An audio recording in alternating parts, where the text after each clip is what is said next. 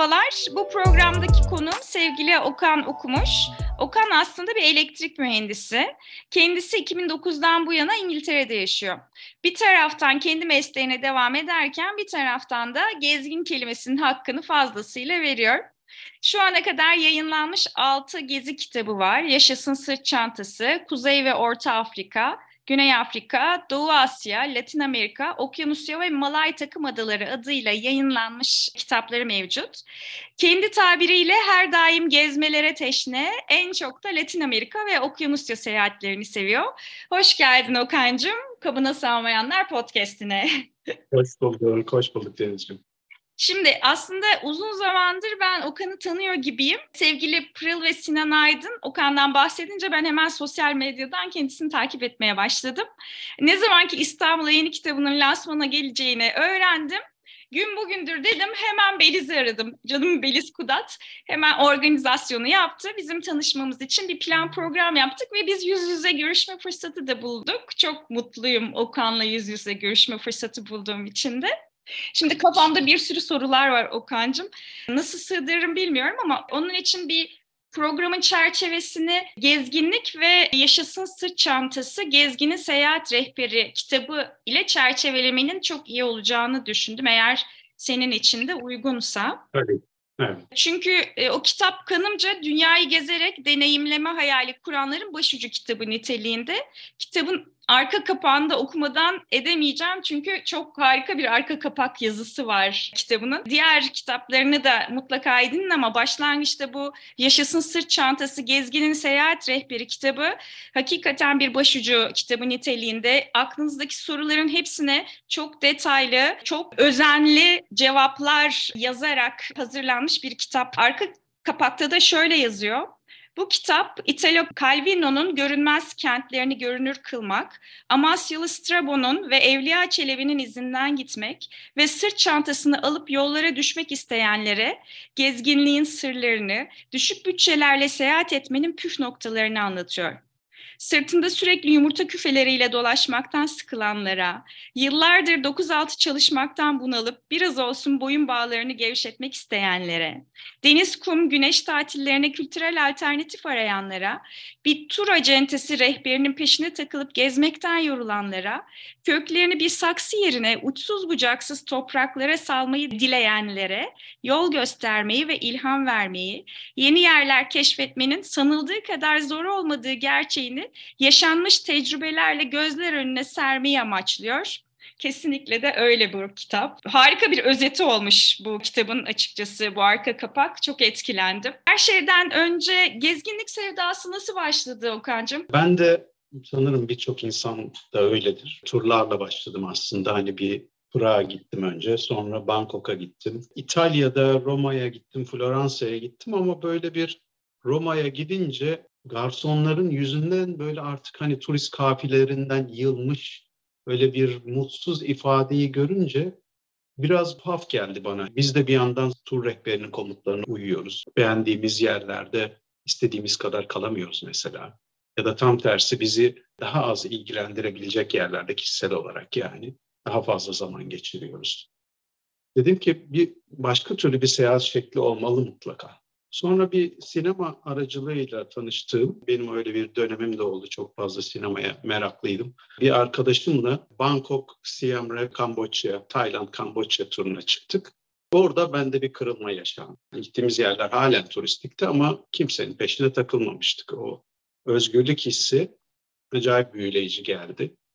Ve baktım ki kendim de yapabiliyorum. Hani hiç zor bir şey değil gezginlik ve bu belki birazcık da Angkor Wat'ın etkisi, orada tanıştığımız insanların, işte keşişlerle muhabbetimizin, doya doya istediğimiz yerde vakit geçirmenin, her şeyi kendimizin planlama e, esnekliğinin olması. O seyahatten sonra da bir daha da turları kullanmadım ama işte o tam Kamboçya'da bir kırılma yaşandı ve ben o gün bugündür geziyorum. Bir sonraki sorumun da cevabını vermiş oldum. Ben sana şey sormak istiyordum. Turist olmaktan gezgin olmaya nasıl evrildin diye sormak istiyordum. Aslında tam öyle keskin ayrımlar yapmayı da çok da sevmiyorum. Tabii ki turistlik, gezginlik o insanların kafasında ne olduğunu, bu sorunun arkasındaki yatanı da biliyorum. Ama Benim söylemeye çalıştığım şey burada seyahat ederken hani kitle turizminden kaçınmanın gerekliliği. Mesela kruzlar, bu kruvazörlerle gezenler. inanılmaz zararlı bir şey. Hani gidip düşün karıncalar gibi düşünün bir koskoca gemiden inen binlerce insan Barcelona'ya akıp karıncalar gibi orayı 3-4 saatte tüketip tekrar gemiye biniyorlar ve o şehirle ilgili hiçbir bağları dolayısıyla olamay olamayacağı gibi şehire de inanılmaz bir zarar veriyorlar. Yani dolayısıyla ne yaptı Barcelona Belediyesi? Dedi ki bir turun sadece 15 tane katılımcısı olabilir. Onlar böyle tek yön, araba gibi tek yönde gidecekler. Bir sürü kural getirmek zorunda kaldılar. Çünkü Barcelona'lılar da bıktı, bir anda hayat pahalandı, iç şehirlerin değeri kalmadı. Değeri kalmadı dediğim de şu yani hepsi bir anda aynı yerlere gidiyorlar. Hepsi bir anda e, Sagrada Familia'nın önüne gidip La Ramblas oraları tüketiyorlar. O kitle turizmi insanın gidilecek yer üzerine çalışmadan, işte kafa yormadan, başka bir turla, büyük turlara katılıp sadece rehberin anlattıklarıyla yetinme kolaycılığı, insanların gezdikleri yerlerden de yeterince keyif almamalarına yol açıyor. Turist kafileleri geliyor, sıkıştırılmış programlarla gezerken ne yeterince yerel insanlarla iletişim kurulabiliyor. Düşünün Barcelona'daki güruhları mesela. Ne de gördüklerinden bir şey anlıyorlar o kısa süre içerisinde. Sadece işte listede bir, ülkenin, bir şehrin üzeri daha çiziliyor. Arkadaşlara, akrabalara gösterilmek üzere bir fotoğraf albümü daha eklenmiş oluyor. Halbuki her şeyi kendiniz planlasanız, kendi önceliklerinizden ödün vermeden e, bir seyahat programı yapsanız o geziden inanın daha çok keyif alırsınız. Hani sevdiğiniz yerde daha çok kalırsınız. Canınız istediğiniz zaman o yerden o şeyle ayrılırsınız ya da ayrılmazsınız. Diğer destinasyonu es geçersiniz ve oraya gitmezsiniz. Orada daha fazla vakit geçirirsiniz. Belki orada birisiyle arkadaşlık yapacaksınız. Yerel halktan. Oradaki kuracağınız dostluklar gerçekten çok değerli. Benim de Mesela Brezilya'da Rio de Janeiro'da bir dostum var. E, dört kere gitmemin Brezilya'ya nedeni odur yani. E, o, orada bir evim var diye ben gidip duruyorum oraya. Orada bir dostum var. Böyle dostluklar gerçekten çok değerli ve kültürü de daha fazla anlamanıza yol açıyor. Esneklik olmazsa programda sıkıcı oluyor yani seyahat işte. Ama tabii tekrar başa döneyim. Hepimiz bir bakıma turistiz. Sadece bir kısmımız daha fazla turist. Sence turist kim? Gezgin kim? Yaşasın sırt çantasında gezgin yanına tuvalet kağıdını alan kişidir diyor mesela bir yazar. Kendisi planlar birisinin peşine düşmeden kendisi istediği gibi gezebilen, kendi programını kendi yapabilen ve sürdürülebilir turizm pratiklerini dikkat eden, öteki türlü sizin dikkat etme şansınız yok yani turist olarak bir kitle turizmiyle birlikte. Siz bir şeylerin peşine takılıyorsunuz sadece. Sizin söylediğinizin ya da planladığınızın hiçbir önemi yok. Ben şu ana kadar hiç rehber eşliğinde gezmedim. Onun için hiç bilmiyorum yani bir rehber eşliğinde nasıl gezilir onun karşılaştırmasını da yapabilecek durumda bulmuyorum kendi evet. noktada. Peki sana şunu sormak istiyorum. Her ne kadar şimdi Türkiye'den uzaktasın, İngiltere'de yaşıyorsun ama yollarda Türk insanlarıyla karşılaşıyor musun? Son dönemlerdeki zorlukları bir tarafa bırakırsak gezgin olarak Türk insanını seyahatler konusunda nasıl buluyorsun? Biraz statikocu olduğunu düşünüyor musun? Gezmeler konusunda finansal engelleri bir tarafa bırakırsak bizi engelleyen nedir? Senin fikrini merak ediyorum. Hep söylüyoruz ama şu anda finansal güçlükleri şu an bir yana bırakmak gerçekten giderek zorlaşıyor. Hani diyelim o kısmı hallet. Neyse hani dediğim şu ki her şey tamamen bir öncelik meselesi. Perdeye, halıya, cep telefonunu yenilemeye, işte arabaya değiştirmek, konforunuzdan asla ödün vermeye yanaşmamak, evdeki konforunuzu orada aramak. Bunların hepsi ömrüm boyunca gezemiyor olmaktan şikayet etmeye devam etmek demek. Statükocu olduğumuz taraf kuşkusuz bu anlamda konfor alanlarımız gibi geliyor bana. Gittiğimiz yerde halen evdeki konforumuzu aramamız ya da alıştığımız damak tadını aramamız. Ee, en son Nepal'deydim mesela. Pokara'da gezerken bir takipçim sosyal medyadan bana o şehirdeki Türk kebapçıları tavsiye etti. Yani Nepal'de en son arayacağım şey sanırım gidip Türk yemeği olur diye. Hani her gün dalbat yerim. Gene de onların Türk kebapçısı aklıma bile gelmez. Gezmek, deneyimlemektir birazcık da. Yoksa ne anlamı var değil mi o kültürü tanımak? Birazcık da oranın yemek kültürünü tanımaktır. Hiçbir restoran yok öyle düşünün. Hiçbir kalacak yer yok. İnsanların kapılarını tıklatıp sizde kalabilir miyiz diyoruz. Öyle yerler ya da Papua Yeni Gine'de Sepik bölgesine gittiğimde aynı şekilde bir evin damında kaldık yani attık sinekliği. Ondan sonra hasırdan döşeyi serdik, uyuduk. Evet bir iki hamam böceği düştü bir ara üzerime falan onları aldım attım ama uyumaya devam ettim dışarıda. Bir yandan da hani bakınca o o gezginlik hayatımın en güzel yolculuklarından ikisi. Benim için inanılmaz güzel geliyor. Yani bir tek orada ben varım. Başka bir tane turist bile yok gezerken. Zaten turist rotası değil. Ben kültür meraklısı olarak illa görülecek bir yer peşinde değilim. Gidiyorum. Bir anda tabii inanılmaz ilgi görüyorum. İnsanlar beni yollarda karşılıyor. Kim gelmiş buraya? Kim gelmiş? Yani neden gelmiş? Merak ediyorlar. Ondan sonra mesela Malawi'de bir çocuk ağladı benim yüzümden. İlk defa beyaz görmüş. Ya da işte o Sepik bölgesi inanılmaz bir yer. Yani düşünün küçük bir, küçük demeyeyim de hani bir nehrin etrafındaki kurulmuş köyler. Burada 200 tane dil konuşuluyor yani düşünün. 200 tane dil bir köy yan köyü anlamıyor ve hala takas yapılıyor. Patates veriyor, balık alıyor. Para kullanılmayan yerler bunlar. E şimdi neleri kaçıracağımı o zaman görüyorum. Konfor alanı diyoruz ya hani oradan dışarı çıkmasam aman burada kalacak yer yok aman mesela bakıyorsunuz Papua Yeni Gine'de Avustralya diyor yan ülke ama diyorlar ki çok tehlikeli bir yer. Tehlikeli olan yerleri var tabii ama benim gittiğim Sepik bölgesinde tehlike falan yok. Çok güzel ve dünyanın en güzel yerleri. Nasıl yeşil? Öyle güzel, öyle nasıl bir kültür var. Ve yan ülke, dibindeki ülkeyi tehlikeli diye gitmiyor. Ben buradan gidiyorum.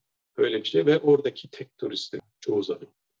Gelen turistler de ne yapıyor? İşte geliyor. E, onlar için dans ayarlanmış. Öyle bir şey de yok yani hayatlarında aslında. Dans ediyorlar onlar için helikopterle geliyorlar, helikopterle gidiyorlar bir saat sonra dansı seyredip. Ben orada kalıyorum. Kabile sanatının dünyadaki en güzel örnekleri var. Avrupa'daki veya işte Amerika'daki müzelerin çoğu oradan alınmış maskeler, bir oyma işleri var. inanılmaz. Sadece belgeselcilerin gittiği yerlere gitti. Mesela işte yukarı Sepik'te öyle ücra köylere. Köyler öyle huzurlu ve güzel ki yani ağzın kulaklarını da böyle yemyeşil. Ama Dediğim gibi hani ne herhangi bir restoran. Hani biz kendi yemeğimizi kendimiz aldık.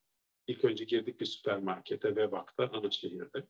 Oradan aldık konserveleri, makarna yaptık, noodle yaptık, yedik. Tuhaf şeyler de oldu. Timsah avına da çıkıldı. Timsah çorbası falan da yenildi. Ama böyle bir şey iyi ben hayatta başka nasıl yaşayacağım? Yani? Ama diyebilirdim ki yok orası çok zor, çok tehlikeli. Ne kalacak yer var, ne restoran var, ne yapacağım orada? Bu sorular aklıma gelmiyor benim. Or orası o kadar güzelse ben gidip görmem lazım gibi. Konfor alanlarımıza biz çok düşkünüz. Evet, deneyime biraz açık olmakla alakalı bir şey. Geçen gün şunu düşündüm. Biz ne zaman uzayla dışarıda yürümeye başlasak, uzay bariyerlerin üstüne çıksa, oralardan yürümeye başlasa, e, uzaya mutlaka birisi düşersin diyor bunun testini yapmaya başladı. Şimdi Ali bakalım kaç kişiye düşersin diyecek. Gerçekten çıkıyor. En az 2-3 kişi düşersin diyor. Bu o kadar hayatın her alanında düşünüp de insanın başına gelen bir şey ki gezerken de hep o çocukluktan o insanlara enjekte edilmiş düşersinle geziyor bence insanlar. Onun için gezemiyorlar. Peki sen gezerken nasıl gezmeyi tercih ediyorsun? İlla bir arkadaşa ihtiyaç duyuyor musun? Yalnız gezmek isteyip de kendinde o cesareti bulamayanlar için soruyorum ben bu soruyu sana. Evet şimdi ben bekleseydim şu ana kadar herhalde onda birini falan gezer. Ben çünkü başta bizim yakın arkadaşlarım hep sorarım beraber şuraya gelir misin? Baştaki heyecanla gelirim derler ve sonra bir şeyler olur ama ben kimseyi beklemem. Gider uçak biletimi alırım planlamamı yaparım ve ondan sonra genellikle yalnız giderim. Çünkü bir şekilde bir sorunlar olur ve insanlar gelemez. Mesela gönül ister tabii ki hep eşimle gideyim, dostumla gideyim. Ama birazcık da işte dediğim gibi hani sert geziyorum öyle kalacağım yer yiyecek yemek falan düşünmüyorum. Yok. Öyle olsa işte mesela anlattığım gibi Papua Yeni Gine'yi göremezdim. Etiyopya dağlarında öyle yürüyemezdim. Tam da burayla ilgili aslında bir bölüm var Yaşasın Sırt Çantası'nda. Oradan bir okuma yapalım mı? Yani Lütfen, çok bölüm, sevinirim. Tabii ki. Bölüm okuyalım. Seyahate yalnız çıkmak diye. Başında bir alıntı var Edip Cansever'den. Çünkü insan yalnızken kat ettiği yollardan ne zaman geri dönse yeni bir haber getirir diye. Şimdi onun biraz da açıklaması bu. E diyorum ki belki bu söyleyeceğim size biraz bencilce gelebilir ama çıkacağınız gezide yalnız olmanın temel ve bariz avantajlarından biri de kimseye bağlı kalmamaktır. Programınızı kendiniz ayarlar, nerede ne zaman geçireceğinizi kendiniz belirler ve böylece rota tercihlerinizden ödün vermek zorunda kalmazsınız. En güzeli de kendinizle baş başa kalma fırsatı bulursunuz. Bazen günlük hayatın yoğunluğunda insan kendi hayatı ve geleceğiyle ilgili konularda düşünebilmek için kendisine yeterli zaman ayıramaz. Yalnız çıkılan yolculuklar bu bakımdan idealdir. Gezilere tek başıma çıktığımda aslında tamamen yalnız da sayılmam. Her fırsatta yerel halkla iletişime kurmaya çalışır, esnaflarla, sokak satıcılarıyla muhabbet ederim. O ülkenin dilini konuşamasanız da yerli halktan İngilizce bilen biriyle ulaşmak çok da zor olmaz. Hiç olmadı yerel halkla vücut diliyle anlaşmaya çalışın. Şurası da bir gerçek ki yerel halk yalnız olduğunuzda sizinle daha kolay iletişim kurabilir ve size daha rahat yaklaşır. Gezilerim sırasında diğer gezginlerle de tanışıp bazen yoluma onlarla birlikte devam ederim.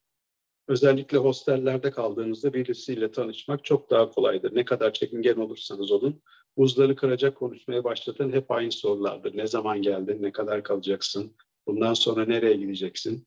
Sonuçta karşınızdaki kişi de yalnız ve o da sosyalleşme ihtiyacı hissediyor. Herkes birbirinin rotasını merak ediyor. Eğer konuştuğunuz kişi gideceğiniz bir sonraki yerde bulunmuşsa ondan orayla ilgili tüyolar almaya çalışıyorsunuz. Nerede kaldığını, nerede yemek yediğini, neler yaptığını öğreniyorsunuz. Hostelde kaldığınızda aynı odayı paylaştığınız insanlarla beraber yemek yiyorsunuz, beraber eğleniyorsunuz. Büyük olasılıkla ertesi gün o şehri beraber geziyorsunuz. Bir de bakıyorsunuz ki bir sonraki gezinizin planlarını hemen orada beraberce yapmaya koyulmuşsunuz. Yol arkadaşlıkları öyle güzel ki bazen geziyle sınırlı kalmıyor ve yıllar boyu devam ediyor. Gideceğiniz yerlerde etkinlikler sayesinde de kolaylıkla arkadaş ediniyorsunuz. Mesela bir yürüyüş turu olsun, yanardağ tırmanışı, yemek dil kursu ya da Couchsurfing gibi siteleri kullanıyorsanız zaten hiç yalnız kalmıyorsunuz. Bu gündüz geziyorsunuz, akşamları da kaldığınız evin sahibiyle vakit geçiriyorsunuz. Ev sahibiniz sizinle ilgileniyor ve eğer yanınızda olamasa da sizi arkadaşlarıyla tanıştırıyor. Tek başınızayken Couchsurfing gibi konaklama sitelerinden ev sahibi bulmak da daha kolay. Bu sanırım birazcık açıklıyor ne demek istediğimi. Ama başa döneyim. Keşke benim için hiçbir sorun yok. Yani yalnız gezmekten de çok büyük keyif alıyorum. En önemli konulardan biri geziyi planlamak e, kısmı. Sen kitabında bunu çok detaylı olarak anlatıyorsun ama yani biraz senden kısaca gezilerini planlarken özellikle dikkat ettiğin noktalar neler? Geziyi planlamanın ne gibi bir faydası var? Biraz onlardan bahseder misin? Planlamadan sıkça bahsediyorum, kitapta da bahsediyorum. Çünkü çok benim için çok heyecanlı bir şey bu aslında. Zaten hani günlük yaşamımızda hep rutin rutindeyiz. Bazen bakıyor ki gene cuma, gene pazartesi gelmiş, gene pazartesi gelmiş. Öyle çabuk geçiyor ki haftalar yani gerçekten inanamıyorum gezmediğim zaman. Bu planlama kısmı da aslında o seyahat sürenizi bir anlamda uzatıyor. İşte hayaller kurmaya başlıyorsunuz gideceğiniz yerle ilgili. Önünüzde çok güzel bir destinasyon var. Heyecanlanıyorsunuz. Oraya mı gitsem, şuraya mı? Aa, şurası da var, şu kasaba da var. E şimdi oradan oraya nasıl geçeceğim? Ulaşım kısmına bak. Trenle mi gideyim, otobüsle mi? Konaklamayı nasıl halledeyim? Oraya da bakayım. Şu kasabada kalırsam oradan oraya geçerim. Şu, şurada da güzel bir çiftlik varmış. Orada kalayım. Yolumu da değiştireyim birazcık. Acayip o planlama kısmı bir anda o rutinden de sizi çıkartıyor. Tabii işin doğrusu diye de bir şey yok yani. Her şey Kimisi de der ki ya planlama ne kadar sıkıcı. Ben gittiğim yerde bakayım. Tabii ki her şey oluruna da bırakılabilir ama bende birazcık mükemmelliyetçilik var. Araştırıyorum bir yandan da ne yiyeceğim, nerede kalacağım. Çok güzel bir yer, bir restoran ya da bir otel, bir pansiyon görüyorum mesela. Belli ki ünlenmiş orası yani ilgi büyük. benim oraya gitmem için tek seçenek aylar önce rezervasyon yaptırmak. Benim orada gidip yemem lazım. Başka şansı yok. O yüzden aylar öncesinden ya da kadar tabii restoran için değil ama konaklama için böyle bir şeye ihtiyaç var. Küçük bir örnek vermek gerekirse hani Lisbon'dayız. Dört masalı küçücük bir restoran var. Yorumları çok güzel gerçekten ama dediğim gibi haftalar öncesinden rezervasyonumuzu yaptık. Öyle pahalı bir yer de değil. Portekiz sanırım bu anlamda fiyat performans olarak en ülkelerden birisi Batı Avrupa'da. Yazdım oraya işte. Gittik ve yediğim en güzel yemeklerden birini yedim gerçekten. Yani basit bir ton balığı yemeği bu kadar nasıl güzel olabilir bilmiyorum. Ton balığı yani. yani bir şey değil sürekli. Sonuçta kuru bir balıktır. Ama inanılmaz güzeldi. Şimdi onu planlamasam, dersini çalışmasam mümkün değildi o deneyimi yaşamam. Peki insanlara yollara düştüklerinde gittikleri ülkelerde şunu da yapmasalar çok iyi olur diyeceğin deneyimleri mutlaka olmuştur. Biraz onları dinlemek istiyorum aslında ben senden. Oldu tabii ya. İlk söyleyeceğim şey oradaki bizim yaptığımız hata kendi değer yargılarımızda gittiğimiz yerdeki kültürleri yargılamak oluyor. Senin bir doğrun var kendince ve o ülkeye gittiğinde o doğruyla karşılaşmıyorsan başlıyorsun yargı dağıtmaya. Tarihi kültürü siliyorsun böylelikle. Yani o neden insanlar öyle davranıyor anlamaya çalışmadan yargılıyorsun ilk defa karşılaştığın o insanları. Yok elle yiyorlar, yok yemek kokuyor, yok çok pisler. Neden geziliyor ki o zaman? Kültürü arkasında yatanı veya işte hani insanlar neden öyle davranıyor, neden anlamaya çalışmak yerine hemen direkt kendi istediğimiz şekilde, bizim yaşadığımız şekilde yaşamıyorlar diye onları hemen yargılamaya başlıyoruz. Bunu sık görüyorum. İkincisi de o da beni çok rahatsız ediyor. Birilerinin gittiğiniz zaman mesela işte bir grup bir arkadaşınızla gidiyorsunuz. Başka onlar başka dil konuşuyor. Yani siz onlar anlamayacak diye Türkçe konuşmaya devam ediyorsunuz onların yanında ve onlar da tabii ki haklarında konuşulduğunu anlıyorlar. Bunu çok görüyorum ve gördüğüm zaman da biraz utanıyorum. Ben sana bir kendi maceramı anlatayım. Şimdi Amerika'da araştırma görevlisi olarak çalışırken ben bir Japon bilim adamı geldi. Ben de dokunarak iletişim kurmayı seven bir insanım. Sırtına dokunuyorum. Böyle o hoş geldiniz, nasılsınız, iyi misiniz, gününüz nasıl geçti şeklinde Beyefendi hani bir oldu, iki oldu, hiçbir şey söylemedi. En sonunda tabii canına tak etti. Ama dedi bu Japonya'da olsa dedi cinsel tacize girer. Vallahi öyle değil gerçekten de kusura bakmayın. Ben hakikaten samimiyetten onu yapıyorum. Bir daha dedim böyle bir şeye çok dikkat edeceğim. Ama tabii ben bunu unutup eşi de geldiğinde eşiyle tanıştığımda da aa hoş geldiniz deyip sarılıp öpmeye giriştim. Hal böyle olunca bir anda o hanımefendi de böyle ha diye kendini geri çekmiş. Yani belki onların ben çok tanımıyorum tabii Japon kültürüne çok hakim değilim ama anladım ki daha sınırlı temas ederek iletişim kurmak çok daha onlar için esasmış. Ben de buradan böyle bir tecrübe edinmiş oldum kendimce. Çok utandım tabii ki. Öyle evet. Malezya'da Çin asıllı bir arkadaşların yanında kalmıştım. Onlar işte alışmışlar hani biz sarılıyoruz falan. Onlar da Singapur'da, Malezya'da alışmışlar bu sarılma işine. Sonradan hani orada çünkü doğup büyümüşler. Annelerine söylüyorlar sarılıp öpelim mi? Anneleri babaları da diyorlarmış ki onları neden? Neden sarılıyoruz ki? Öyle bir şey yok kültürde ya. Sarılmak nedir? neden ihtiyaç duyuyorsun sarılmaya? İşte kültür. Kültür bu yani. Peki senin için en güzel seyahatler nasıl oluyor? Mesela kendi adıma ne kadar çok iletişim kurabiliyorsam, sofralarında oturup onların yemeklerinden yiyebiliyorsam, biraz kendi dillerinden konuşabiliyorsam benden mutlusu yok. Sen nasıl bir seyahat senin için en güzel seyahat? Bu soru çok güzel. Benim için de öyle. Benim seyahat tarzım bu.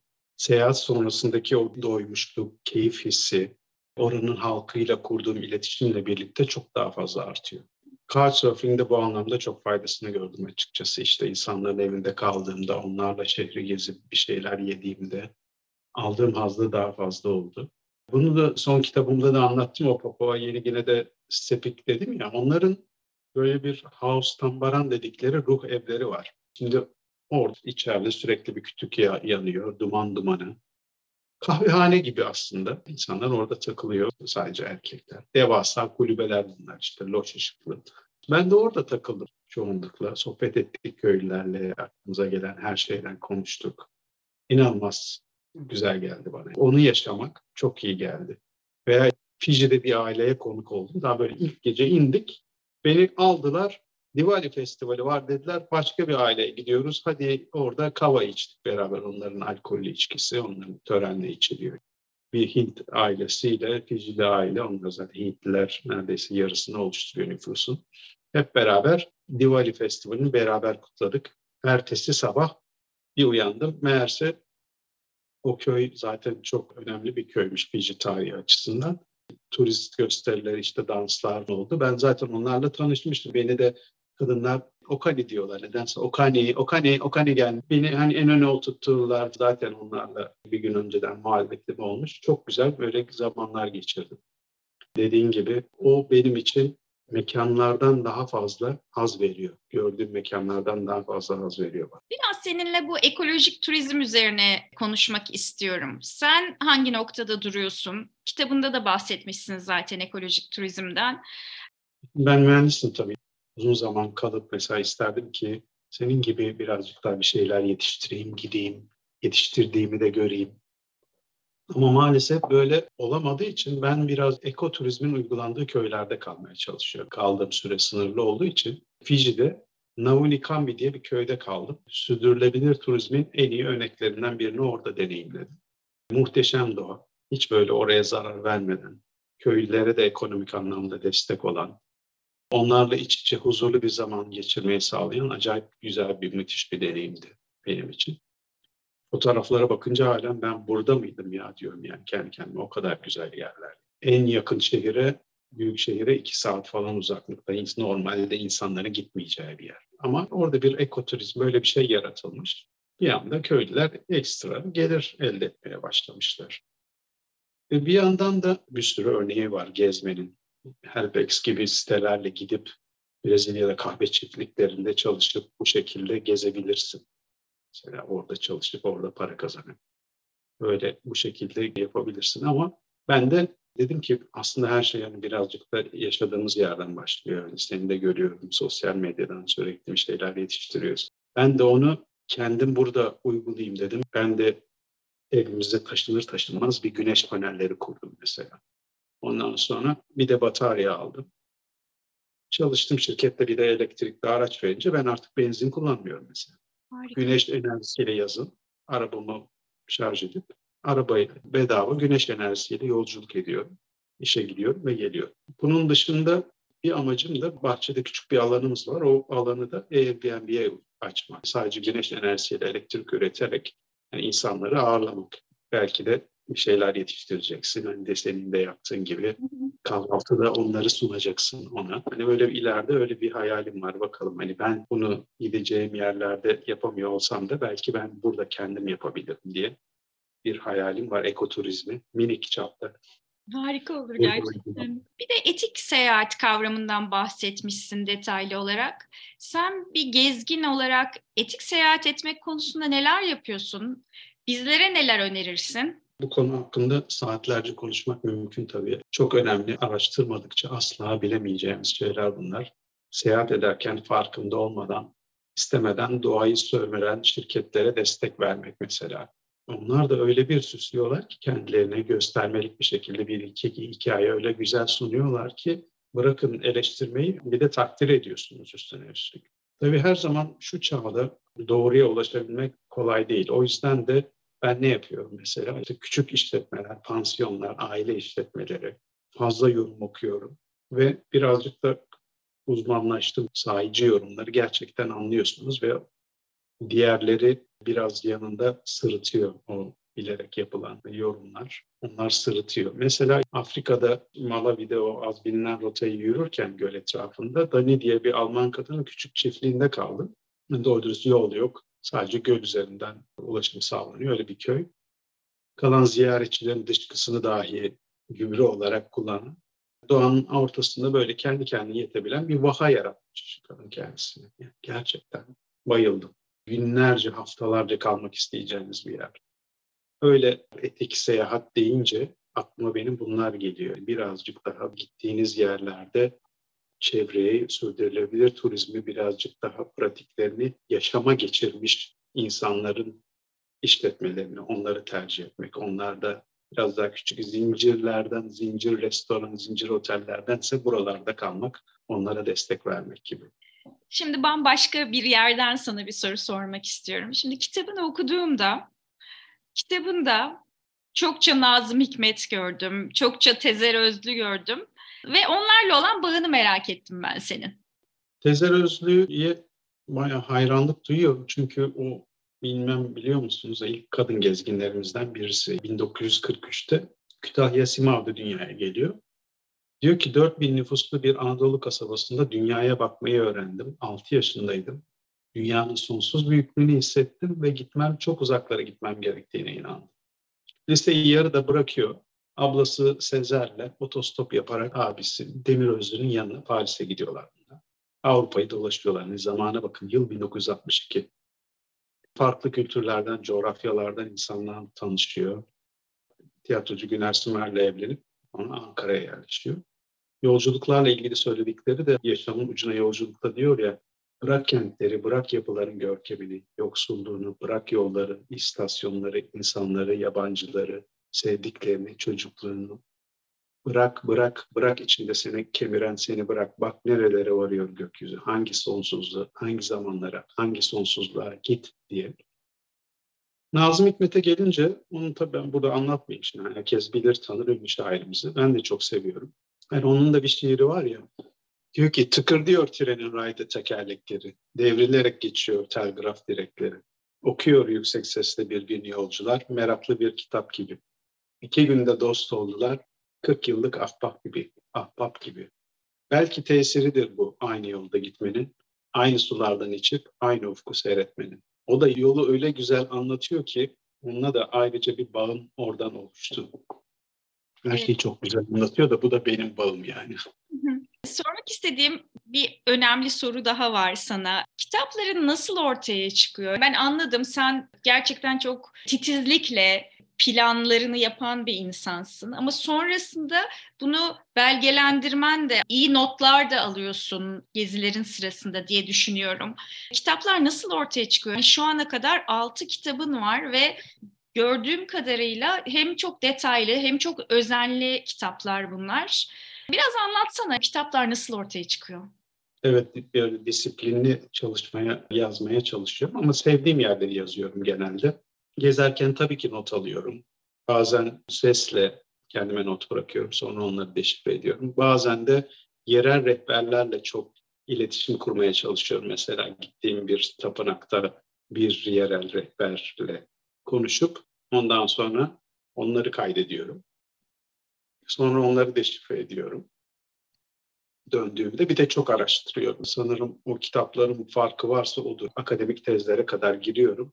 Çünkü bir şeyin doğrusunu bulabilmek bir hikayenin beş versiyonu var. Onun hangisinin doğru olduğunu çünkü yerel rehberler size doğru hikayeyi değil de sizin hoşlanacağınız hikayeyi anlatmayı seviyor. Öyle. Öyle çünkü o zaman gülüyorsunuz, eğleniyorsunuz ama işin doğrusu o değil aslında. Kitaba yazmak için o yerel rehberden duyduğumu ben aktaramam. Doğrusunu araştırmam lazım. Araştırıyorum. Akademik tezlere girince bu sefer daha da ayrıntı, daha başka yerlere gidiyor. Tabii o zaman da fazla yazıyorum. Benim derdim o. Çok fazla yazıyorum. Çok fazla okuyunca bu sefer Aa, bunu da yazmasam olmaz, bunu da yazmasam olmaz diye fazla yazıyorum. editörler o yüzden beni biraz az yaz, az yaz diye uyarıyorlar. Şimdi de Avrupa'yı yazayım dedim. Herkes Avrupa'yı soruyor. Başladım yazmaya. Ben Kuzey Avrupa'yı yazmak istemiyorum. Sevdiğim yer olacak. Güney Avrupa'yı yazmak istiyorum. Akdeniz Avrupa'sı yani.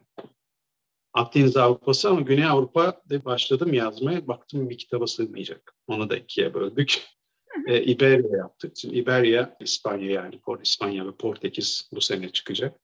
Ondan sonra geri kalanını da Fransa, Malta, İtalya, Hırvatistan bir sonraki seneye yetiştirmeye çalışacağım. Arada Güney Amerika'yı yazmaya çalışacağım.